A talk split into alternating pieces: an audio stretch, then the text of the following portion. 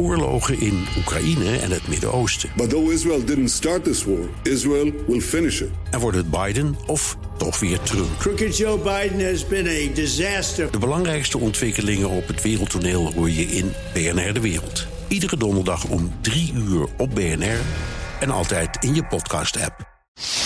Welkom bij de Technoloog nummer 227. Herbert, welkom. Hoi Ben. We zijn hier met Michiel Steltman. Goedemiddag. En waar gaan we over praten? Over uh, Europese cloud en Gaia X. Gaia X gaan we over praten. Daar zie ik je al echt al maanden naar uit. Ja. Maar ja, we hadden ook geen aanleiding of wel een aanleiding. Wat moeten we nou met die cloud? Uh, van de week was er, vorige week was er een bericht in de Volkskrant dat die uh, Europa bouwt dus die eigen clouddienst. Maar dat doen ze dan weer met Huawei en met Google, met IBM. Amerika IBM met Amerikaanse en Chinese partijen is er dan nog wel een Europese cloud. En daar gaan we het over hebben. Ja. Maar ik wil gewoon echt, want we hebben het bijna nooit over cloud hier bij de technologen. Dat vind ik toch jammer. De cloud en, is een gegeven. Ja, maar het is. je niet over na te. Ja, maar toch, weet je, zijn er toch aspecten. Dus ik vind het toch wel leuk om even dat je. Michiel gewoon vertelt van hoe ziet het, het wereldwijde cloudlandschap er nu uit. Dus even een beetje dit landschap schetsen.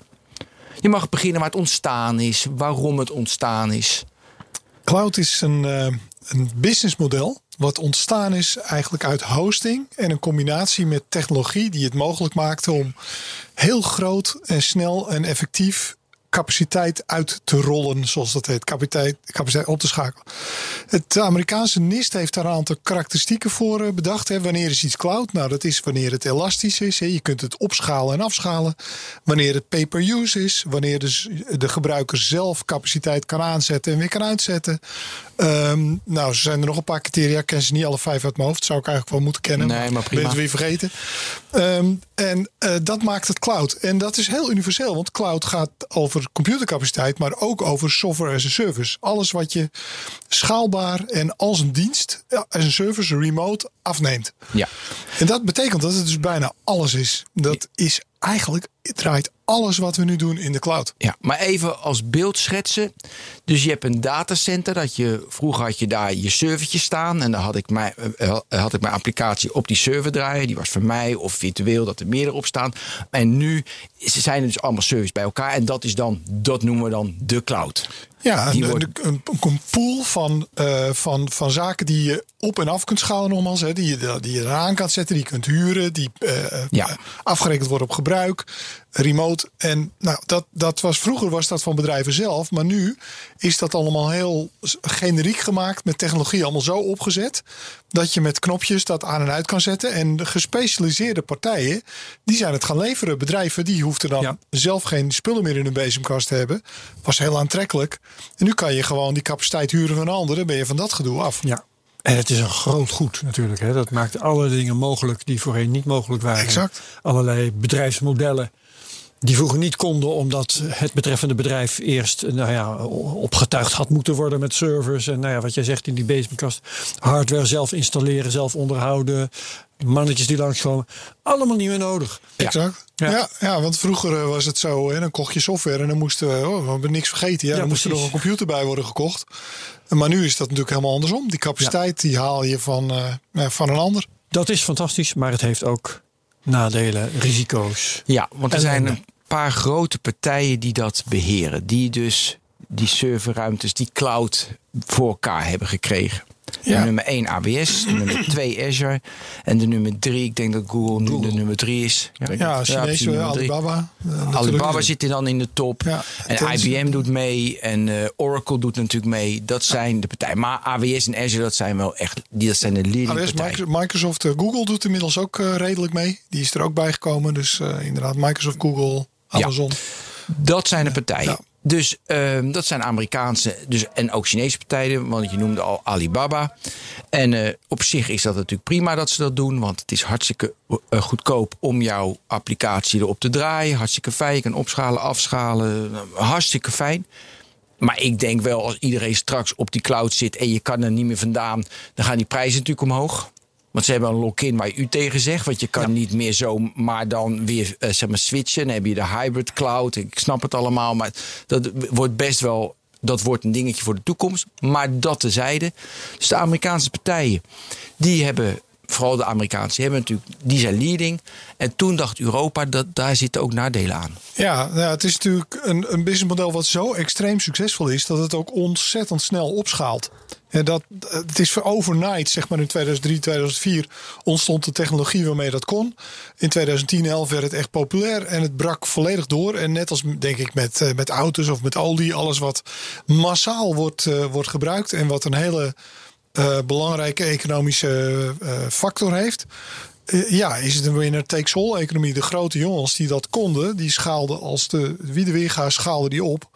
En uh, we zitten allemaal nu in de cloud. En daardoor zijn dat soort uh, bewegingen in de markt ontstaan. Waarom 80% een... van alle capaciteit draait bij die grote vier uh, cloudcapaciteit, bij die ja. grote vier partijen in, Waar, in, Europa. Waarom is dit een winner takes all economie eigenlijk? Hè? Want dat iedereen uiteindelijk bij Facebook terechtkomt, dat snap ik. Want het is een des te aantrekkelijke plek als al je vrienden en al je familie er ook zit. Maar als ik een bedrijfje ben en ik heb uh, serverruimte nodig en zo. En, en, en uh, bandbreedte. Maakt mij geen donder uit. Behalve dan misschien een schaalvoordeel van de leverancier.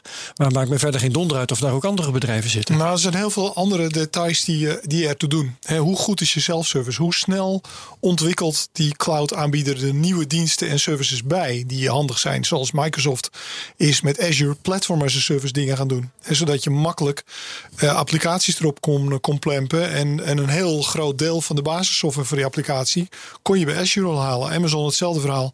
De, de catalogus van basisdiensten en platformdiensten die ze aanbieden, die groeit met de dag. Maakt het heel aantrekkelijk voor bedrijven. Want uh, die, die stapel ja. basisdiensten wordt steeds groter. En steeds meer gemak heb je ervan. Nu is er ook AI bijgekomen. Uh, het is feitelijk zo, als je iets met AI wil doen. En ik heb die discussie uh, twee jaar geleden, of ja, anderhalf jaar geleden gevoerd in het Benelux-parlement. Dus een keer van hoe werkt dat? Hè? Je gaat met AI iets doen. Nou, uh, dat kan maar op één manier. Je trekt je creditcard, je gaat naar Azure of Amazon of Microsoft, je maakt een account aan en dan kun je beginnen met AI. Is er een andere aanpak? Nee, die is er niet. Want je kunt uh, de algoritmen, zoals dat dan heet, de basisdiensten, de, wat je allemaal nodig hebt, kun je ja. nergens anders vinden dan daar. Niemand levert dat, want okay. je kunt niet een kilo AI kopen en op een server in je eigen bezemkast zetten. Dat gaat dus, niet. Dus dat schaalt als een idioot en uh, ik begrijp wat je zegt. Maar toch noemden we er net een stuk of vier, vijf partijen. Ja, Oracle noemde uh, ik nog. Zes als je ja. Alibaba. Ja, en dan, dus winner takes all. Nee, eigenlijk dus niet. Nee, iedereen zou het kunnen doen. Maar de grote hebben zo'n grote voorsprong ge ja. gekregen in kwaliteit, in prijs. Hè, want die kosten ja, en extra redelijk... features. Hè? Dus wat je noemt, de analyses, uh, AI. Beetje... Maar ook toegang. Hè? Want je kunt bij Azure, je kunt kiezen. Staat het in Ierland, staat het hier, staat het daar. Het staat ook dichtbij. De capaciteit, de bandbreedte, de betrouwbaarheid is goed. Het is er allemaal. Ja, maar toch um, een aantal Amerikaanse partijen. Ook nog minstens één Chinese die wij hebben genoemd. Maar ik maak me sterk dat er nog wel een paar meer zijn. Ja. Alleen uh, door het taalprobleem komen we die niet tegen. Dus best wel een, een, een uh, goed bezette markt, maar geen Europese partijen. Geen Europese nou partijen. Nou ja, dat komt omdat Europese partijen niet het voordeel hadden van de Chinese en Amerikaanse partijen die door een enorme thuismarkt heel snel die schaalgrootte kregen. En konden innoveren, hun prijzen konden verlagen en zo. Dat kunnen Europese partijen niet, want uh, uh, voor een Nederlandse partij is Duitsland net zo buitenland, zeg maar, als uh, voor, voor, een Amerikaanse partij die naar Duitsland gaat. En maar die heeft dan wel zo'n omvang op zijn thuismarkt al bereikt. De euro, taal kan moeilijk een probleem zijn. Wat, wat onderscheidt de Nederlandse markt in dit opzicht van de Duitse? Uh, nou, uh, nou, eigenlijk niet. Hè? Hij is veel kleiner. Nederland heeft natuurlijk wel het voordeel dat we met een sterke hosting-infrastructuur al een. Een, een ja, het, het, is nu zo: 30% van alle servers in Europa staan in Nederland. En dan zou je wow. zeggen, dan is Nederland toch wel. Ja, dat is dan laatst weer een feit wat er. Zo'n getalletje wat boven kan borrelen. 30% van? De servers in Europa staan in Nederland. En uh, dus je zou zeggen, Nederland is een flinke cloudland. Daar hebben we al een paar interessante spelers. Hè. We hebben ieder idee, we hebben LeaseWeb, die zijn best wel redelijk groot. En die kunnen wereldwijd ook wel nog wel meedoen. Die zitten niet in het topsegment, maar in het middensegment. Uh, ieder idee, Rotterdam, een van de grootste gamehosters ter wereld. Hè. Interessant, alle schietspelletjes een beetje in de wereld, die draaien daar. uh, en, en hun filialen, die zitten ook inmiddels op safe. alle werelddelen hebben ze datacenters geopend. Dus Nederland doet wel mee, maar net niet genoeg, omdat de sprong om Europese eh, partij te worden, ja, die is voor. eh, die is groot. Je moet, je moet 27 keer naar het buitenland vanuit een kleine markt. En dat is ontzettend veel moeilijker dan wanneer je dat vanuit China of vanuit dus Amerika de- doet. het probleem zit in de marketing. Nou, de, de, ja, de, de stap zeg maar, om internationaal te gaan leveren. Hè, om overal filialen te gaan openen. Eh, kun je veel makkelijker doen als je al een, een miljardenbedrijf bent vanuit je thuismarkt. Dan wanneer Aha. je vanuit Nederland die sprong moet doen. Ja, dus het gaat om de operaties. Je moet in elk, elk apart land moet je operaties van de grond Precies, krijgen. precies. Je moet het talen, je moet het allemaal doen. Dus eh, eh, die schaal die heb je als Microsoft, had je, die, die grote Amerikanen, hadden dat eigenlijk altijd al mee. En voor Europese spelers is dat stukken en stukken moeilijker. Heb je alleen in Duitsland, heb je, in Frankrijk heb je OVH, dat is de grootste in Europa. Je hebt dan ook nog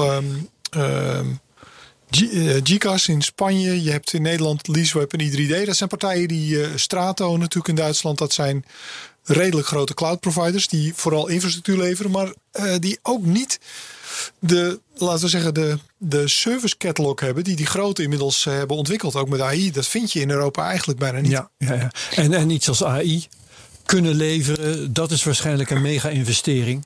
Wat een partij als Strato misschien moeilijk in één keer van de grond krijgt. Precies. Ja. Ja, ja, ja. Ja, ik wil het toch. Ik vind het toch apart. Want jij zegt van je hebt niet direct je thuismarkt. Ik ben er wel mee eens. Heb je Amazon, die hadden al al die servers staan voor hun. Eh, voor hun e-commerce. Dus ze schakelden in, weet je, in de, in de tijden dat ze weinig verkeer hadden, konden ze andere partijen erbij schakelen. Weet je, dus dat is het begin. Dat had Microsoft snel gezien, maar die hebben ook, hadden ook heel veel serverparken staan. Dus ik snap die ook nog. Maar als je 30% van de hosting doet in Europa. En je kan je zeggen een taalprobleem, maar ja, het is toch allemaal Engels, weet je wel? Want Amazon en weet je, of nou in, weet je, want iedereen in Europa gebruikt Amazon. Dus volgens mij is het ook een kwestie geweest van, we zijn veel te laat hoor, tien jaar geleden, want nu zelfs Google komt er moeilijk tussen en die stopte echt veel, echt Ja. veel geld in.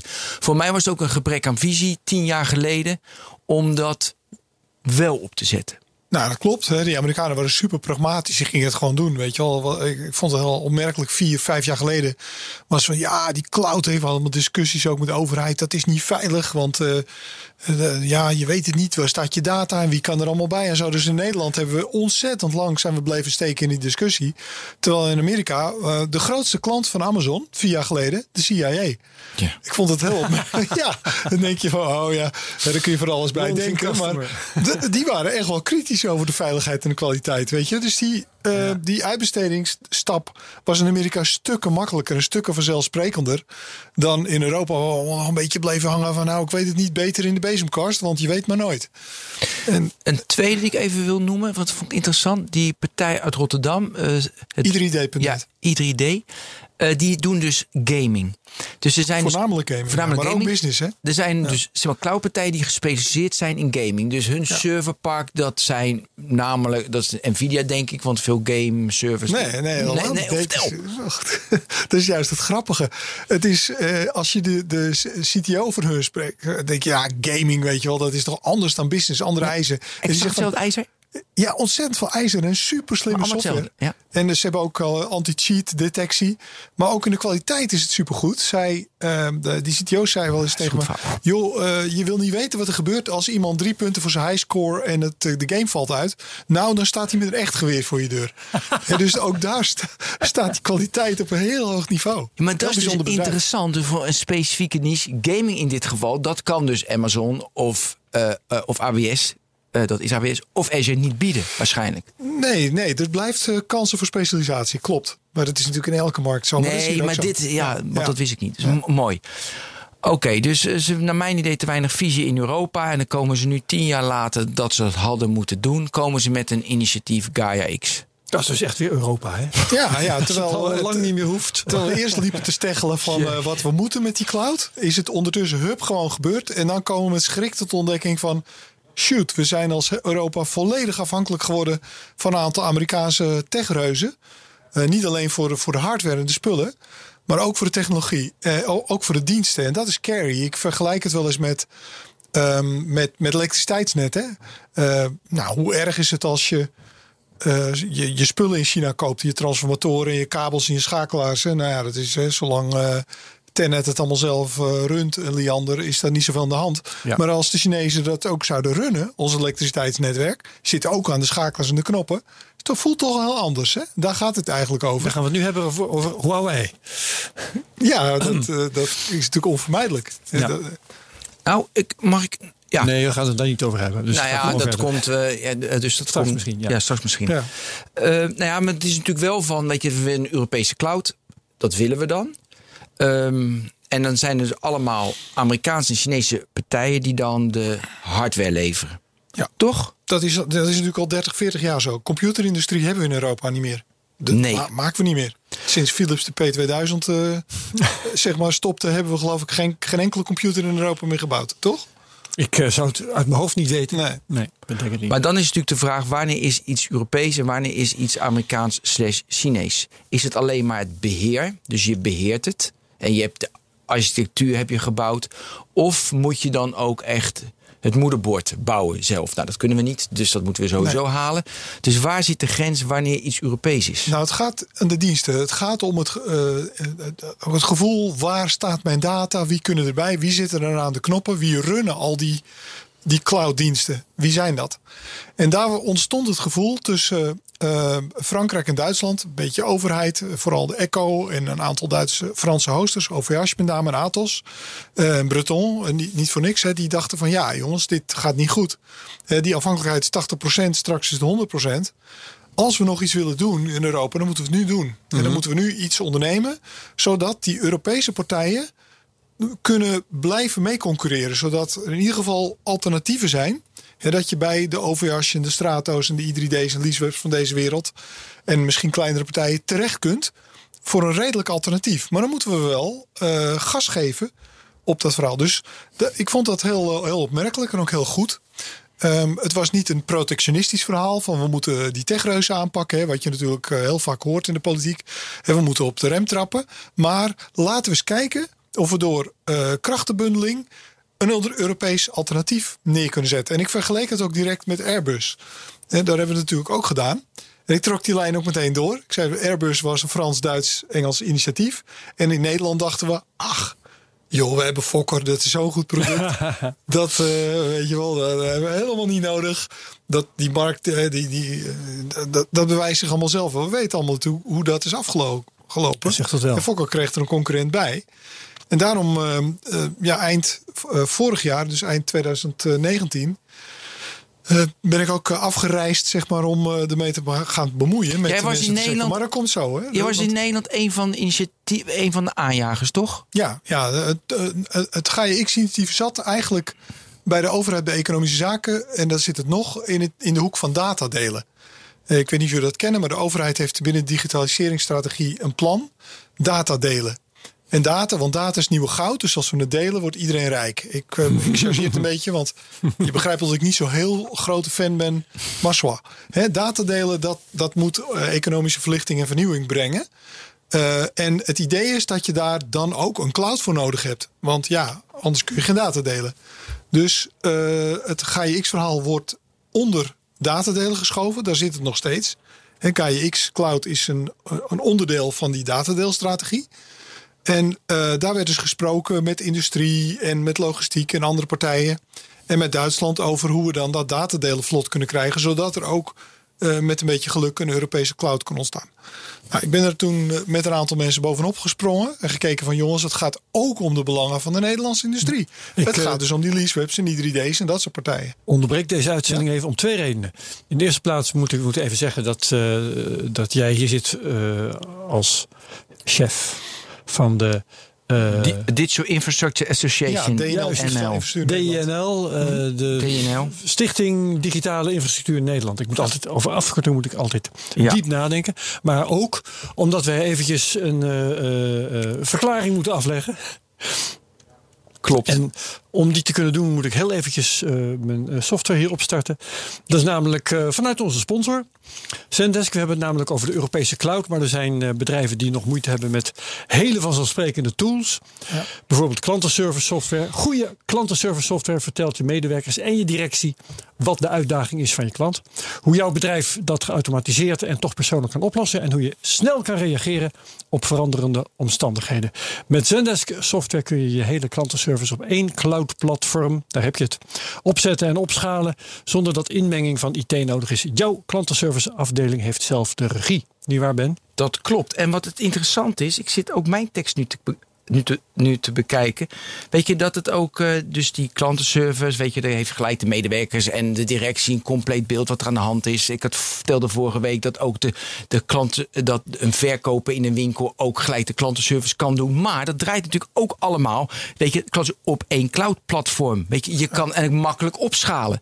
Dus dat vind ik ook wel mooi. Zo'n Zendesk bijvoorbeeld, zo'n bedrijf, al die SaaS bedrijven, die zouden nooit zo snel op kunnen schalen en nooit zo snel markttractie kunnen halen zonder de cloud. Dus ik vind het ook wel een heel mooi verband. andersom, hè? zonder zo'n tooling als Zendesk heb je überhaupt geen cloud. Kun je niet eens een cloud runnen. Nee. Je hebt die automation keihard nodig om een goede cloud uh, dienst te kunnen maken. Ja. Uh, tot zover de host uh, read, maar ik wil er toch op doorgaan, want dat zat ik ineens aan te denken. Weet je nog hebben dat wij die uitzending hadden met Twitter? En toen was het zo dat Twitter stond, volgens mij stonden ze bij AWS, hadden ze een deal met AWS en die gingen mm -hmm. toen hun eigen datacenter hun eigen cloud opzetten. Ja, ja, ja, ja, En toen was het met Snapchat. Die heeft nu een deal voor, geloof ik, vijf jaar voor echt miljarden met Google. En dat doet Google de deal omdat Google dan natuurlijk een extra nou, dienst kan afgeven bij Snapchat. Uh, die deal die uh, met Discord, met Microsoft, een paar weken terug werd ook gezegd dat doet Microsoft om Azure te vullen. Ja, je weet echt precies wie waar zit. Nou ja, qua cloud. Dat vind ik echt wel fantastisch. Ja, nee, maar het is dus interessant. Dus weet je, de, dat dus Azure om markt, uh, zeg maar, om meer marktaandeel te krijgen, kopen ze dus. Is, is het gerucht, hè? Discord. Om niet alleen Discord die service, goede service en in, de, in de gamingswereld daar een niche te hebben, maar ook om hun cloud te vullen. D Dat is bijna de basis.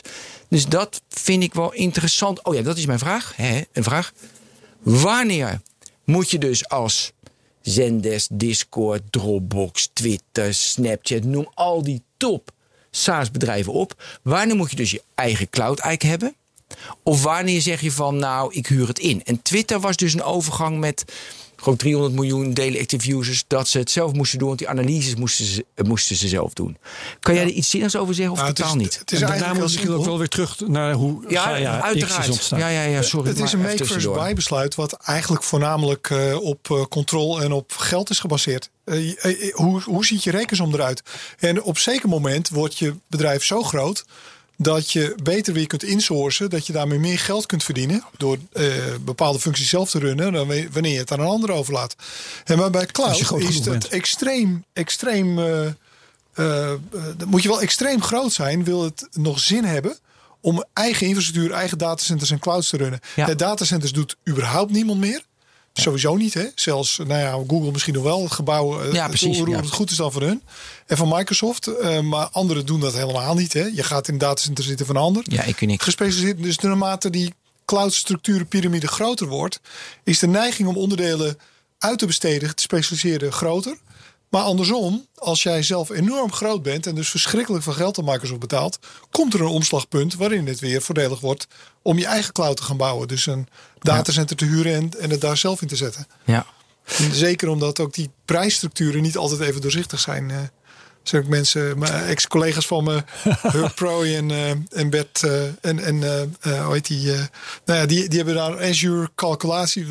Die, dus wat illustreert dat daar ook weer een hele industrie voor ontstaat. Hè, met tooling en SaaS. Om te berekenen wat het kost om in Azure te draaien.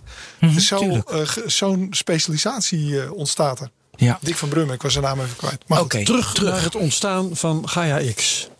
Uh, daar was je mee bezig toen ik mm -hmm. je onderbrak met vertellen hoe jij rondrende eh, door Europa om eh, dat van de grond te krijgen. Nee, ik zag dat eh, Frankrijk en Duitsland de lead namen. En die gingen er echt gewoon snel vandoor. En ik zag ja, het Airbus-verhaal ook daar een beetje ontstaan. Van, in Frankrijk waren het Atos en OVH.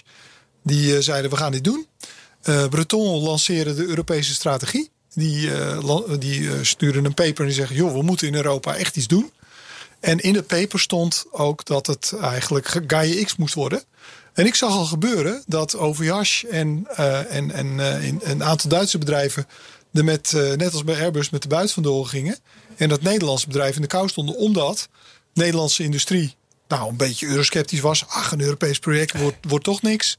Omdat EZK het onder datadelen gaat. En zeggen, ja, joh, dat is een cloud.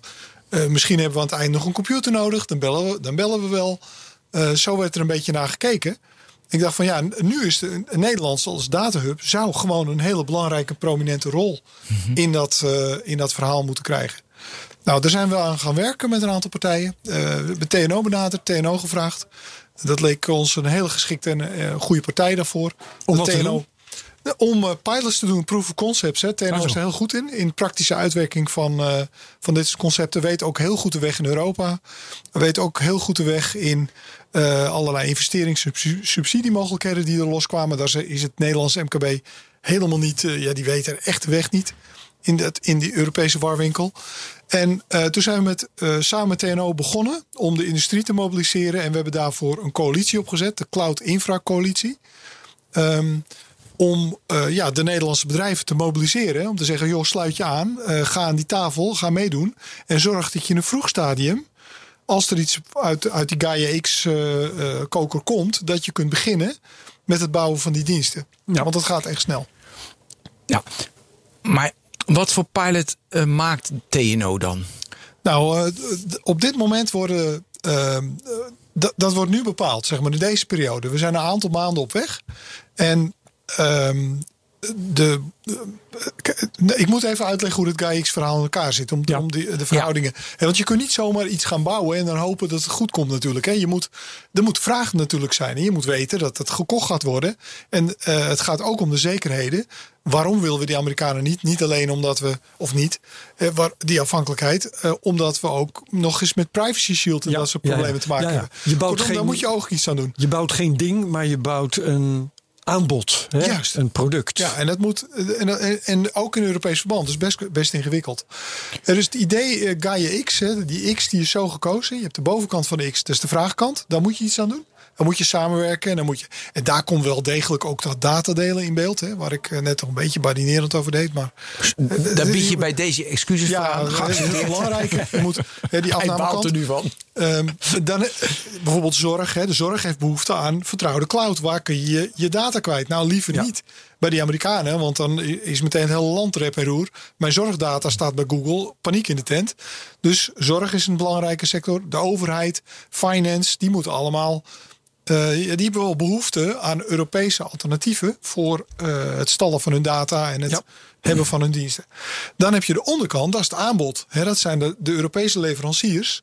En daar is bedacht dat je niet een Europese cloud moet bouwen. Want dat, dat wordt niks natuurlijk. Hè. Dan moet je centraal iets gaan van. Maar dat, dat uh, uh, ontworpen is een federatief model. Dus je hebt het aanbod van al die partijen. Kun je federeren, dus samenvoegen. In een, een catalogus en een universele. Uh, met API's. die zijn al ook al ontworpen, is over nagedacht. Modellen, zodat je die capaciteit bij een Gaia X leverancier kunt afnemen. En die capaciteit kun je dan ook bij een ander afnemen. Je kunt je workloads verplaatsen. Uh, die technologie is er al. Nou, die over standaardisatie die wordt nu, door standaardisatie wordt die binnen Gaia X opgepakt. En dan heb je nog zeg maar het trust model wat erop wordt geplakt. Dat is een soort witte X die op die X is geplakt. Als je dat logo van Gaia X ziet. En dat gaat over, hebben we de zekerheden?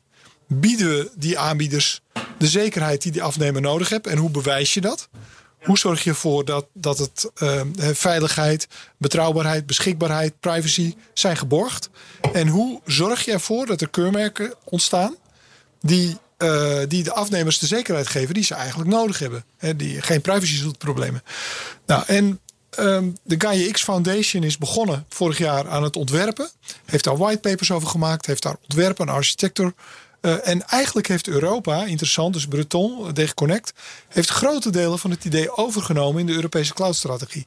Dat ziet er best goed uit. We hebben nog wel daar uh, een interventie op gepleegd met z'n allen, want um, daar stond in eigenlijk dat Gaia X de Europese strategie was. Wij dachten van nou, um, als dat door Frankrijk wordt be- bepaald, is dat voor Nederland niet zo goed.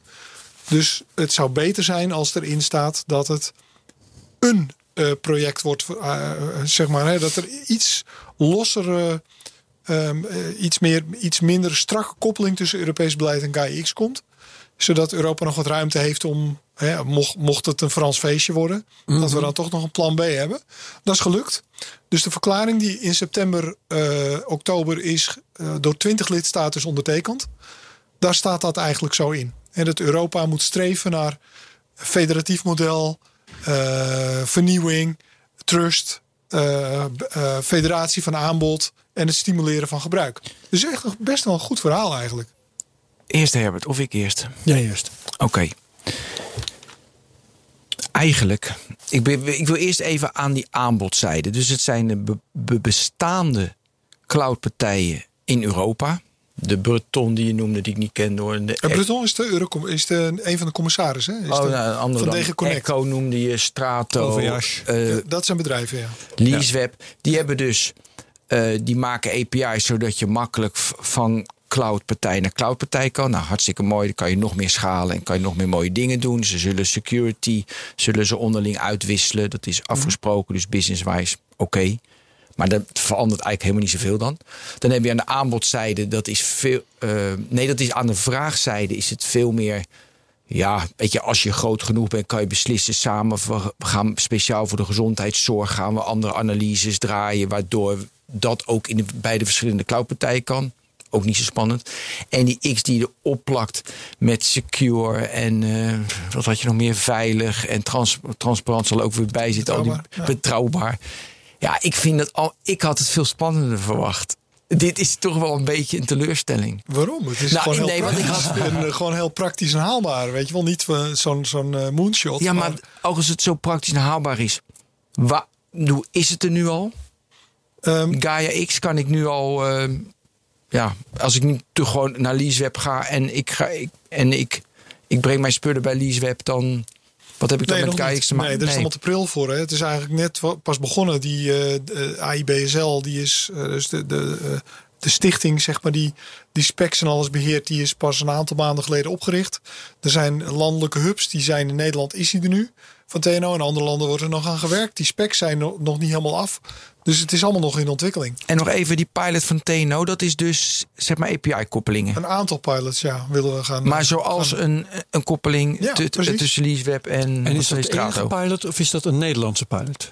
Nee, dat is nog te vroeg om te zeggen. Het is, het is allemaal, allemaal, Ja. allemaal in, in, eh, in conceptfase hè, van wat we precies gaan doen. Wat gaan we er straks van merken? Want ehm, ik, toen ik erover las, toen begon ik te denken ehm, dat GaiaX een, ja, een soort bedrijf zou zijn. Een beetje de Europese AWS bij wijze Ja, van spreken. dat dacht ik ook. Maar als ik jou nu hoor, dan is het dat niet. Dat dan ik ga je gewoon de zaken doen met LeaseWeb Ja, en met eh, die eh, gaming eh, ho- hosting provider in, Amsterdam, in Rotterdam. Hoe heet die ook weer? Eh, i3D. i3D.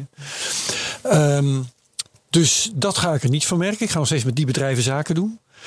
Dus eh, wordt het iets wat op de achtergrond draait om. Ik kan het zelf niet onder woorden brengen. Dus Nee, ja, me het nog eens uit. het- kijk, de, de ambitie die je hebt, het probleem, ehm, een van de problemen zit in, in die hele trust kwestie. Ik zal het illustreren in de praktijk. Als je naar Azure of Amazon gaat, je trekt je creditcard en, en je, ja, en je, je begint. zaken met ze klaar. Ja. Wil je zekerheid hebben dat het goed zit, eh, dat de kwaliteit klopt en dat je de wet en regelgeving voldoet, dat is echt een helft job. En bij, en bij Microsoft is het zo, die zeggen hier is mijn verklaring. Dit zijn de plexiglazen bordjes in de muur. U doet het er maar mee. Je hebt als klant niks te vertellen. Take it or leave it. Ja, en je weet dus ook niet of je aan, aan de wetgeving voldoet. eh, want eh, misschien gaan zij wel alles eh, doorgeven aan de Amerikaanse geheime dienst. Je hebt geen keus. Ja. Je- je- je- bedrijven nemen die gok maar. En ik weet niet of jullie gelezen hebben over Mailchimp. Hè. Die zijn ineens nu... Nou, dat, in feite geldt dat natuurlijk voor alle Amerikaanse bedrijven. Hè. Het is net hoe de toezichthouder eh, ziet. De bedrijven zeggen, joh, wij voldoen perfect. Hè. Privacy shield zo. Ja, wat was er met Mailchimp ook weer? Eh, Leg, leg het Mailchimp, nou ja, jouw e-mailadressen kunnen bij eh, de Amerikaanse overheid terechtkomen. Dus Ja, eh, oh, soort- oh, oh, precies wat- precies privacy dat, ja, ja, ja. Alsof de Amerikaanse overheid daar Mailchimp voor nodig heeft. Maar zwaar. Ja, precies. Dus hier eh, vooral een juridisch probleem is. Hè? En niet, een echt probleem. Maar goed, dat is een andere, pol- een andere technoloog, denk Andere- ik. Dat is een andere kwestie. Ehm, maar het verkrijgen van die zekerheid is heel belangrijk. Want als je namelijk bij een Europese partij net zo makkelijk af bent. Want Europa heeft dat soort kwaliteitskeurmerken allemaal niet. Hè? Iedereen zegt, de een heeft ISO, de ander zegt geloof me maar gewoon. De volgende heeft een verklaring Ja, ja, X ja. en nou Y en Z. Eh, De gemiddelde muur van bedrijven zien eruit zoals de uniform van een Noord-Koreaanse generaal. Als je kijkt naar het aantal bordjes, je wordt als afnemer helemaal gek. Je weet helemaal niet wat je moet vragen. En iedereen gaat al die datacenters maar steeds opnieuw zitten auditen. Allemaal gedoe. Daar wil er vanaf. Eh, in Nederland zijn we daar eh, een, de driver van, een van de drivers van. We hebben de Online Trust Coalitie. Daar werken we heel nauw samen ook met Gaia X. Om te kijken of die aanpak, die assurance aanpak, kan gelden. Zodat Gaia X ook een keurmerk wordt. Dat je weet, ik ga naar een Gaia X service. eh, en de Gaia X Foundation beheert dat. Die zit er heel strak bovenop. Dat is het plan. Eh, en dat doen ze ook echt goed. Dus echt goed over nagedacht. Er zitten specialisten die weten hoe assurance werkt. Ehm, en dat betekent als je dus zo'n dienst afneemt, dat je instant de zekerheid hebt die je eigenlijk bij die Amerikanen ook krijgt. Afgezien dan van de Amerikaanse overheid en het privacy shield. Maar je hebt direct de zekerheid dat de kwaliteit, de veiligheid, de privacy, eh, dat dat op orde is. En daar kun je dus gewoon instappen, ook als overheid. Dat is het idee.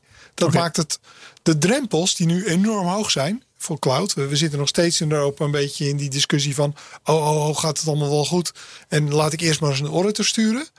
Naar, oh, het is Gaia X. Nou, check. Dan kan ik morgen Oké, beginnen. dus eh, keurmerk, dat, dat woord dat schoot bij mij ook al te binnen. Dat is, dat is goed. Keurmerk standaardisatie had je al genoemd. Interoperabiliteit. Had Ja. je, het woord had je niet gebruikt, maar dat maar had dat je is, wel. het, dat is wel Ja. de term. Ja, staat precies. er ook letterlijk in, in Ja. Ehm, maar nou word ik heel benieuwd, want de reden dat jij aan het begin zei dat eh, alle business bij de Amerikanen terecht is gekomen, dat is eh, schaalbaarheid. En gaat GaiaX op een of andere manier ook de schaalvoordelen bieden die de Amerikanen al die tijd hadden? Ja, dat is een grote vraag. hè, Of het functioneel net zo Want anders geen rijk en goedkoop is. Ehm, dat, dat is echt koffiedik kijken. Ik Ja, maar natuurlijk niet. Want Herbert zijn naar mijn idee heel terecht. Je staat nog steeds bij LeaseWeb. En heeft LeaseWeb dan, en dat is in combinatie met die andere partijen, heb je dan een AI-tool waarbij je wel je data kan predicten en kan analyseren. Zoals AWS Ja. en Azure wel doen. Nou, dat aanbod is nog bij lange na in Europa nog niet ontwikkeld. Dus dat is not a pretty picture. Hè? Dat je voor je AI nog steeds niet bij Europese spelers terecht kan. Maar het is in ieder geval een poging. Het, het, is, het is belangrijk om het te gaan doen. Hè? Om te proberen dat eh, niveau van de collectieve Europese markt en spelers omhoog te tillen. Hè? Om een alternatief te bieden eh, wat makkelijker toegankelijker is dan nu. Nu eh, nu is het ook zo, hè, als je als bedrijf eh, naar de cloud gaat, dan kom je bij Amazon terecht. En als je niet bij Amazon wilt en je zou bij een Europese partij willen, waar ga je dan naartoe? Het is versnipperd, gefragmenteerd, iedereen doet het anders. Hey, het is gewoon heel erg lastig voor Ja. partijen. Maar er is dus duidelijk nog, nog een stap nodig die kennelijk nog niet gezet wordt. eh, die op een of andere manier toch die, die schaalvoordelen ook in Europa moet, eh, moet manifesteren. Ja, dat klopt. Ja, en dat is echt nog koffiedik kijken of dat gaat lukken. intensievere samenwerking voor nodig is dan er nu eh, op touw wordt gezet. Zeker. Ja, misschien wel eh, eh, fuseren of iets dergelijks. Van, van ja, je ziet wel wat partijen. consolidatie in de Europese markt, maar het is nog steeds nationaal. Hè? Dus consolidatie Ja. binnen Nederland en binnen Duitsland. En nou, Frankrijk heeft maar een paar spelers sowieso. Hè? Daar is die markt ziet, ziet er heel anders uit. Ja, dat is echt, eh, wat ik zeg, echt koffiedik kijken. Ja. Niets van te zeggen nog. Ik heb even behoefte om totaal even een andere richting op te gaan. Oké.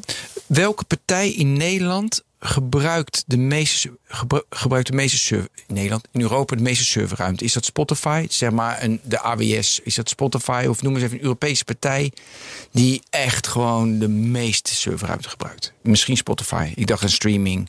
Nou, het kon dus Facebook zijn, omdat Facebook Nee, maar een Europese partij. Oh, een Europese partij. Want die ik- hier, eh, die dus eigenlijk een, dus een, dus een eigen datacenter bij Equinix, maar de meeste servers hebben draaien. En dan zou je net zo, want dan is het echt Europees. Dan zou je dat, die doen dat al goed, uit kunnen bouwen. En dan heb je dat echt Europees.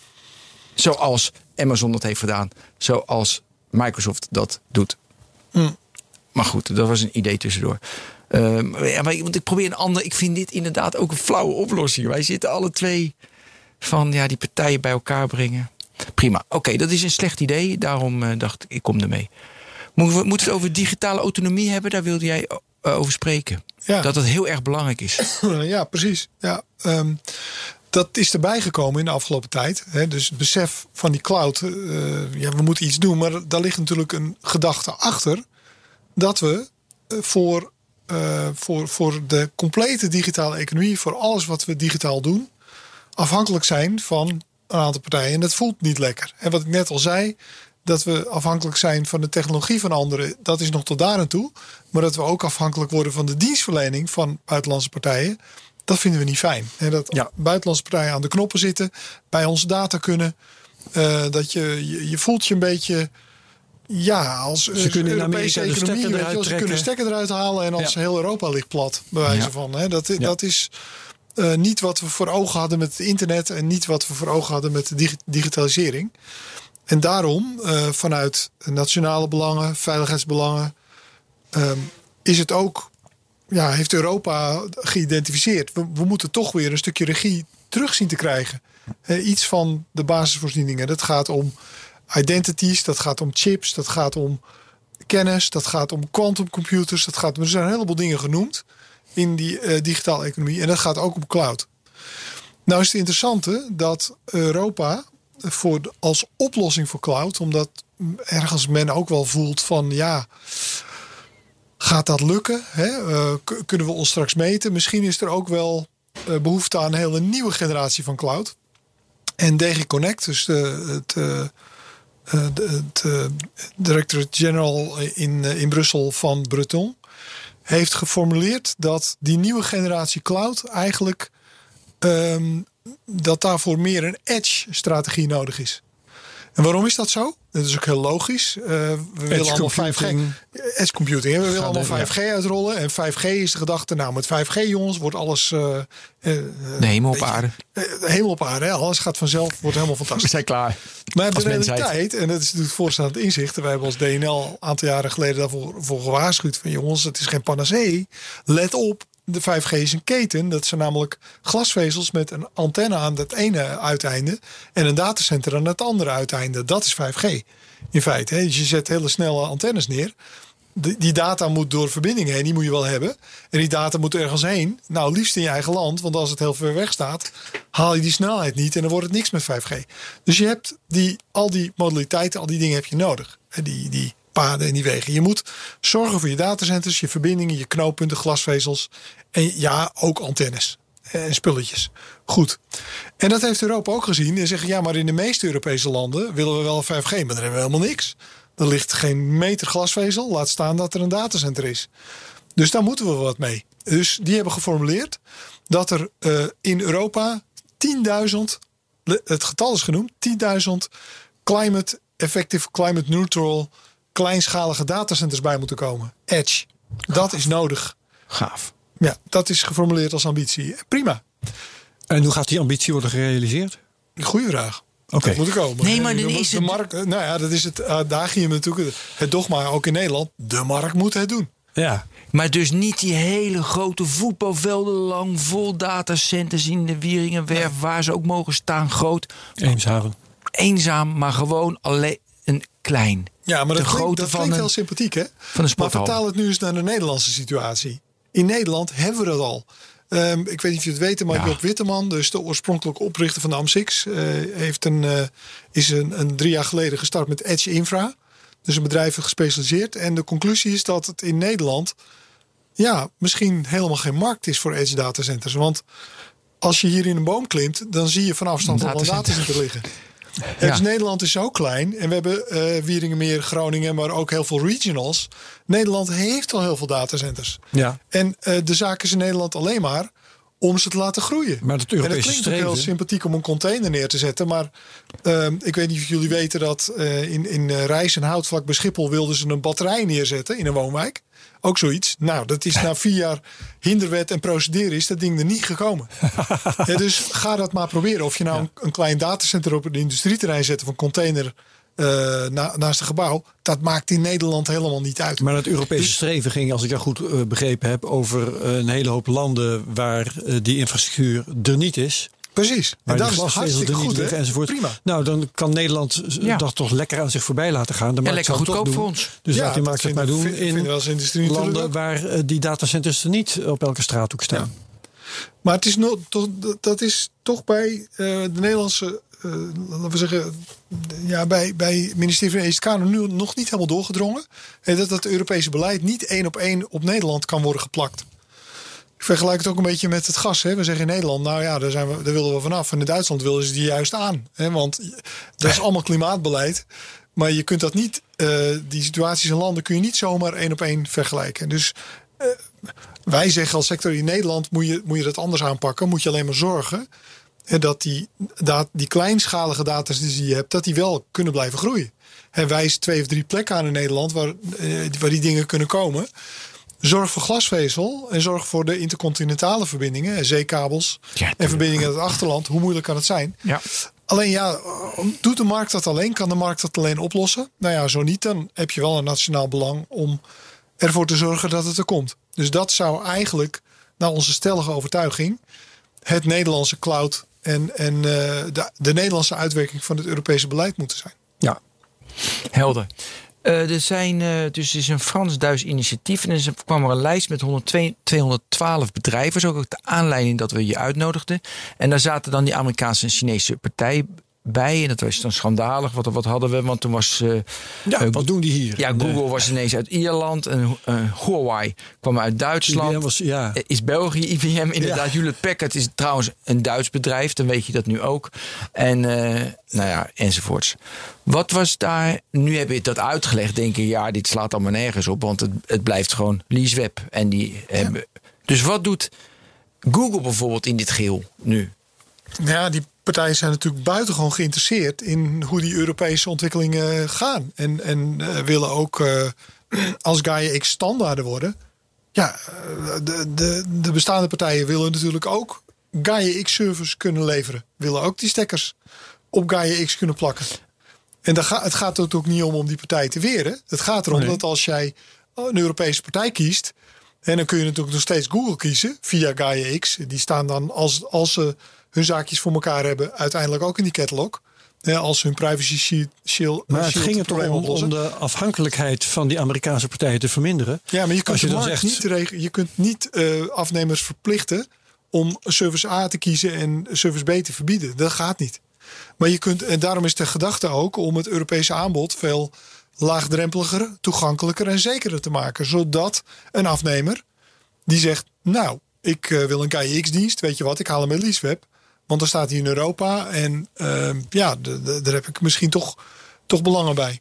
Je ziet het ook bij overheden, hè, die gaan kiezen: moet mijn data in het land? Moet de data in Europa of mag de data in de wereld staan? Die, die, die afwegingen die gaan worden gemaakt. Er is een rapport van Paul Timmers, een, een uh, hoogleraar die uh, de Cybersecurity Raad heeft geadviseerd over die kwestie van autonomie. Ja. En die geeft ook een model voor het afwegingskader. En dat is precies wat hij zegt. He, bepaal wat de scope van jouw data en diensten moet zijn. Nationaal, Europees, mondiaal. En nou ja, daar kun je erover kiezen. En kom je uit op nationaal of Europees, is wel handig dat je die stekker hebt bij GaiaX, dat je dat dan zo kan kiezen. Dat is een beetje de gedachte. Ja, maar dus bijvoorbeeld Google, die kan dus zich dus aansluiten bij Gaia X met heel veel lobby. En ze doen aan alle regelgeving voldoen ze. Het is allemaal perfect. En dan sta je uiteindelijk gewoon weer in de Google Cloud. Nou, ik moet dat nog zien, hè, omdat die privacy shield kwestie is niet opgelost. En in ieder geval um, heeft de Gaia X Foundation uh, geregeld dat niet-Europese partijen, ook al hebben ze een kantoor in Europa, geen stemrecht hebben geen invloed hebben, geen zeggenschap hebben in GaiaX. Ze mogen meedoen, ze mogen meezitten. Staat iedereen vrij om straks die GaiaX standaarden, want er worden open standaarden, ja. om die te ontwikkelen. Maar ze hebben geen invloed aan de tafel. En dat, dat is denk ik wel een goed besluit ook. En prima dat het zo geregeld is. Ja, en Palantir, die iedereen dus een beetje gaat allemaal de haren recht overeind staan. Gevaarlijk Palantir. Uh, dat is dus hetzelfde. Die kunnen dus gewoon ook weer lid worden van Gaia X. Die kunnen dus meedoen aan de standaarden uh, uh, dus kunnen ze voldoen. Ze kunnen die API-koppelingen met LeaseWeb maken, zodat LeaseWeb kan opschalen naar Palantir en weer terug. Dat kan dus straks. Uh, in theorie kan dat, ja. Maar ik denk dat uh, in het zekerheidsverhaal dat de, dat hele privacy shield nog steeds een onneembare drempel blijft voor veel bedrijven. Ja. Dat zal niet zomaar. Uh, we hebben ook in Nederland. Um, is, hebben we daar in de Online Trust Coalitie over gesproken. We hebben gezegd van een van de belangrijke principes is dat de privacy shield kwestie nu op de schouders van de afnemers is komen te liggen. De, de, de toezichthouder heeft gezegd: jij moet zorgen dat je datatransfer staakt. Ehm, en wij hebben gezegd: ja, dat is de omgekeerde wereld. Dat probleem zou op de schouders van de aanbieder moeten liggen. Die moet bewijzen dat het probleem niet bestaat. En dat is nu niet zo. En je bent nu, net als met Mailchimp, je moet dat stoppen. Terwijl je natuurlijk had moeten zeggen: je, Mailchimp moet bewijzen en dat het probleem niet bestaat. En, en dat moet met onafhankelijke audits of rapportage of wat dan ook. En dat blijkt nu niet zo te zijn. Kortom, dat is een belangrijk principe. Dus ik zie dat nog niet zo 1, 2, 3 gebeuren. Maar komt er wel een oplossing voor Privacy Shield? Ja, dan staat die bedrijven natuurlijk vrij om uh, te opteren om zich aan te melden in die, in die KX-catalog. De standaarden te implementeren, Ja. op hun API's te plakken en te zeggen: Nou, je kunt het ook bij mij afnemen. Ja, maar dat, dat blijft toch een eh, merkwaardig gevoel op zijn minst. Dat je een initiatief ontplooit om die afhankelijkheid van Amerikaanse bedrijven te verminderen. En dat je ze door de achterdeur gewoon weer binnenlaat om... eh, ja, Ja, ik heb precies Ja, hetzelfde. Ik begrijp eh, het. Natuurlijk, hè, maar als je, eh, je kunt of verbieden of stimuleren. En als je de vertrouwen hebt dat met stimuleren en met het aanjagen en, en met het helpen van die Europese initiatieven je een goed alternatief biedt. Ja, dan, dan moet je daar vertrouwen in hebben. Het is toch een beetje als Airbus. Je kunt niet zeggen van nou, je mag geen Boeing meer kopen. Of Ja. eh, je mag die onderdelen niet meer gebruiken. Eh, Airbus werd gewoon een goed product. En uiteindelijk heeft dat, is dat mee eh, kunnen doen. Ja, en als En je het anders dat zou is doen, dat, dat realiseer ik me ook weer wel, dan zou dat een soort van protectionisme zijn. Ja. En dat wil je natuurlijk niet. Dat wil je niet. Dan Nee. maak je je eigen initiatief ook eigenlijk zwakker. Precies. Stel ik me voor, eh, als die Amerikaanse jongens aan die standaarden wel mogen meedoen, dan eh, zijn het belangrijke standaarden. Ja. En de rest zal inderdaad de markt moeten, ik zit even hard op te denken, maar de rest zal inderdaad dan de markt moeten doen. En eh, dan hoop je maar dat je Europese partijen gewoon sterk genoeg zijn. Want de- de- dat is uiteindelijk wat je nodig hebt. Precies, en dan is het echt een Europees merk. En ehm, ik hoorde vanochtend ook iemand zeggen: ja, dat, met de G- GDPR hebben we dat eigenlijk ook bereikt. Hè? Dat is een wereldwijd merk geworden. Dat, dat staat ergens voor. Ja. En dat zou Gaia X in principe ook kunnen. Maar Airbus is toch gewoon een commerciële bedrijf? Dat is Ja, toch niet de wel- standaarden voor de vliegtuigindustrie? Nee, maar het is wel een samenwerking voor drie Europese Boeing landen. Die zeiden heel van, joh, we zullen toch echt wat moeten doen. Hm? Er, Sorry, ja. er zat ook wel een stukje een, een politieke dimensie aan toen. Hè, van we moeten gewoon samenwerken, anders wordt het niks. Ja, en ik zei, Boeing denkt daar anders over. Boeing vindt eh, Airbus een soort staatsbedrijf. Precies, Ja, te veel ja, subsidie vanuit Europa. Ja. Oh, precies. Ja, Ja, Ja. maar ik vind dit nog minder. Ik bedoel, ik had, ik had gehoopt dat we gewoon een commercieel Europees cloudbedrijf zouden beginnen. Met z'n allen. Ja. Ja, dat, en ik dacht dat dat, zo was. Ik dacht dat namelijk ook. Ja, Ja. Dus, nee, het is echt En- verre van. Daar heb ik nog een vraag over. En het ook met Airbus in het achterhoofd. Ehm, krijgt GAIX nog subsidie op een of andere manier? Of Ja, is het, er is een pot eh, van eh, 10 miljard uitgetrokken. Holy moly. Niet ja, daar alleen voor de KX, maar voor, het, voor de totale. Maar dat is wel die, dat is geoormerkt geld. Hè? 2 miljard is direct beschikbaar voor Europese cloud-initiatieven. Dus voor, eh, voor, het, voor die pilots en de GAIX en noem het maar op. En eh, de landen die getekend hebben, moeten, eh, moeten ook aan de bak. Hè, die moeten bijdragen. En er is ook een zogenaamd IPSAI-traject gekomen, wat dan de, de additionele fondsen uit Europa mogelijk maakt. En staat voor Important Project of Common European Interest. Tuurlijk. En dat zijn projecten die eh, ook eh, de gebruikelijke regels van staatssteun opzij zetten. Als een project het IPSAI-stempel krijgt, dan eh, hoeft een land alleen maar aan te tonen dat er sprake is van marktfalen.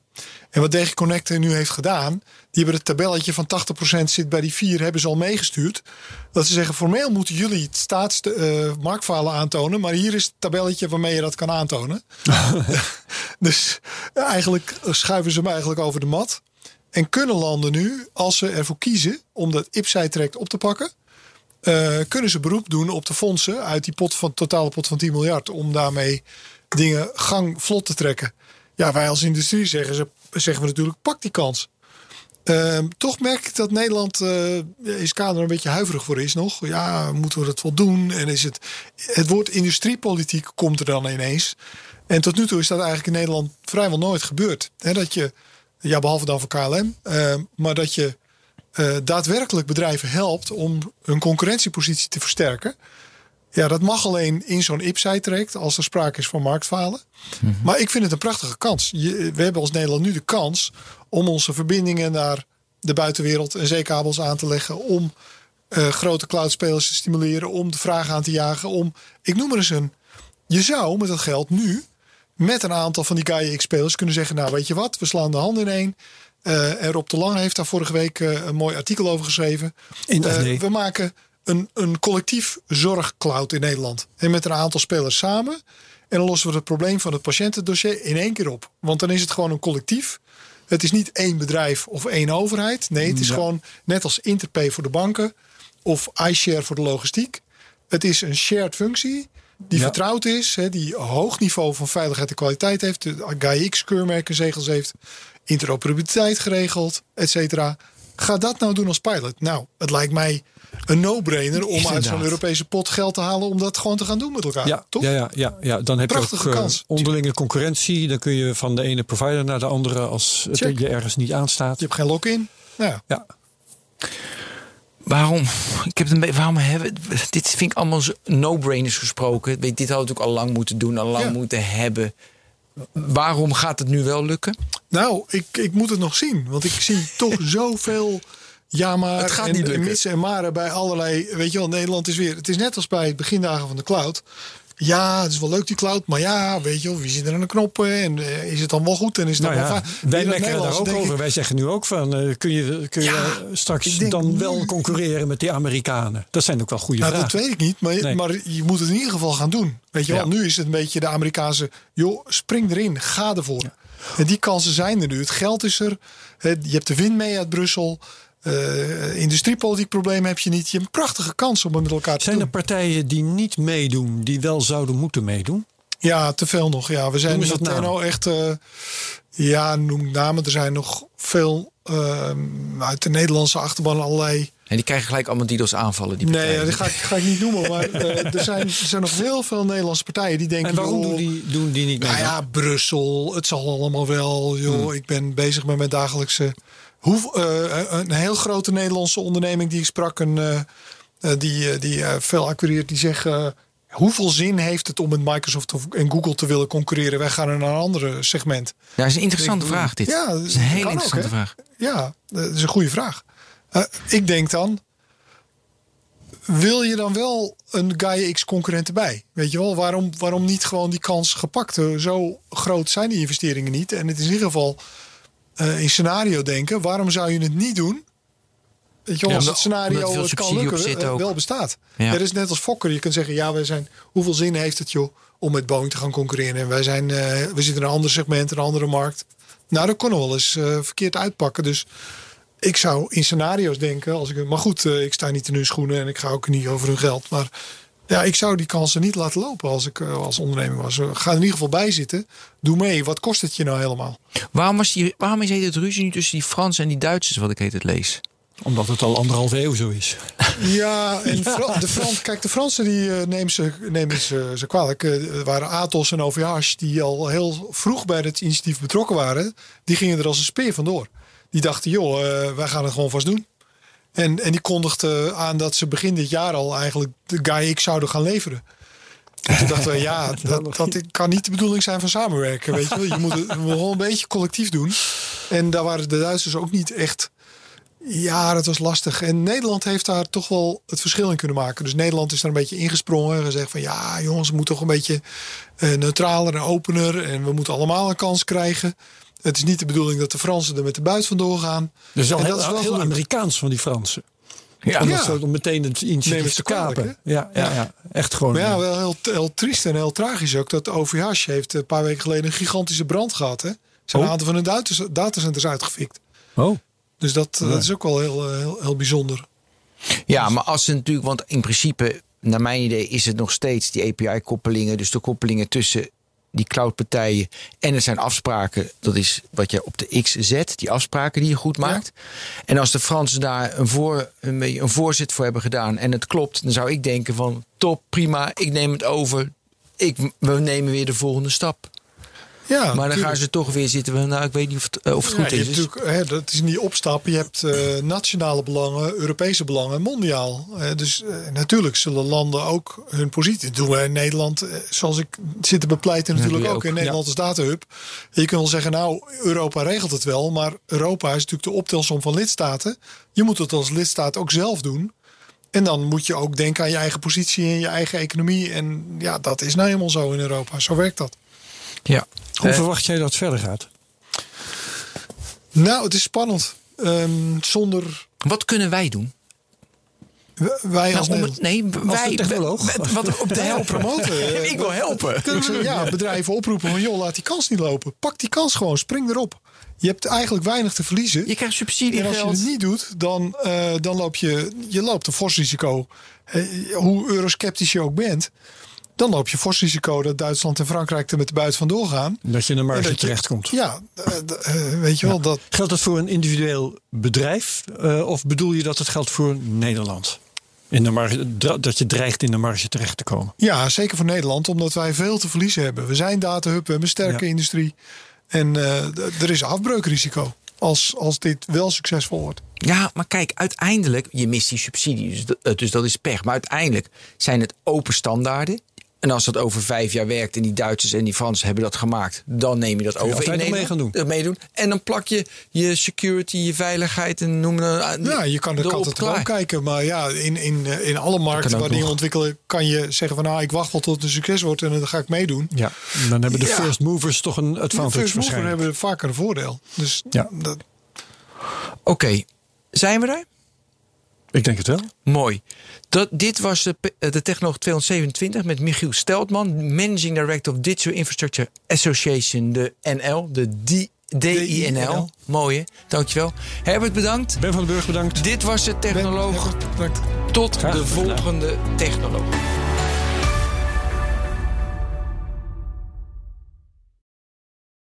Ook Diana Matroos vind je in de BNR-app. Ja, inderdaad. Je kunt live naar mij luisteren tijdens de Big Five.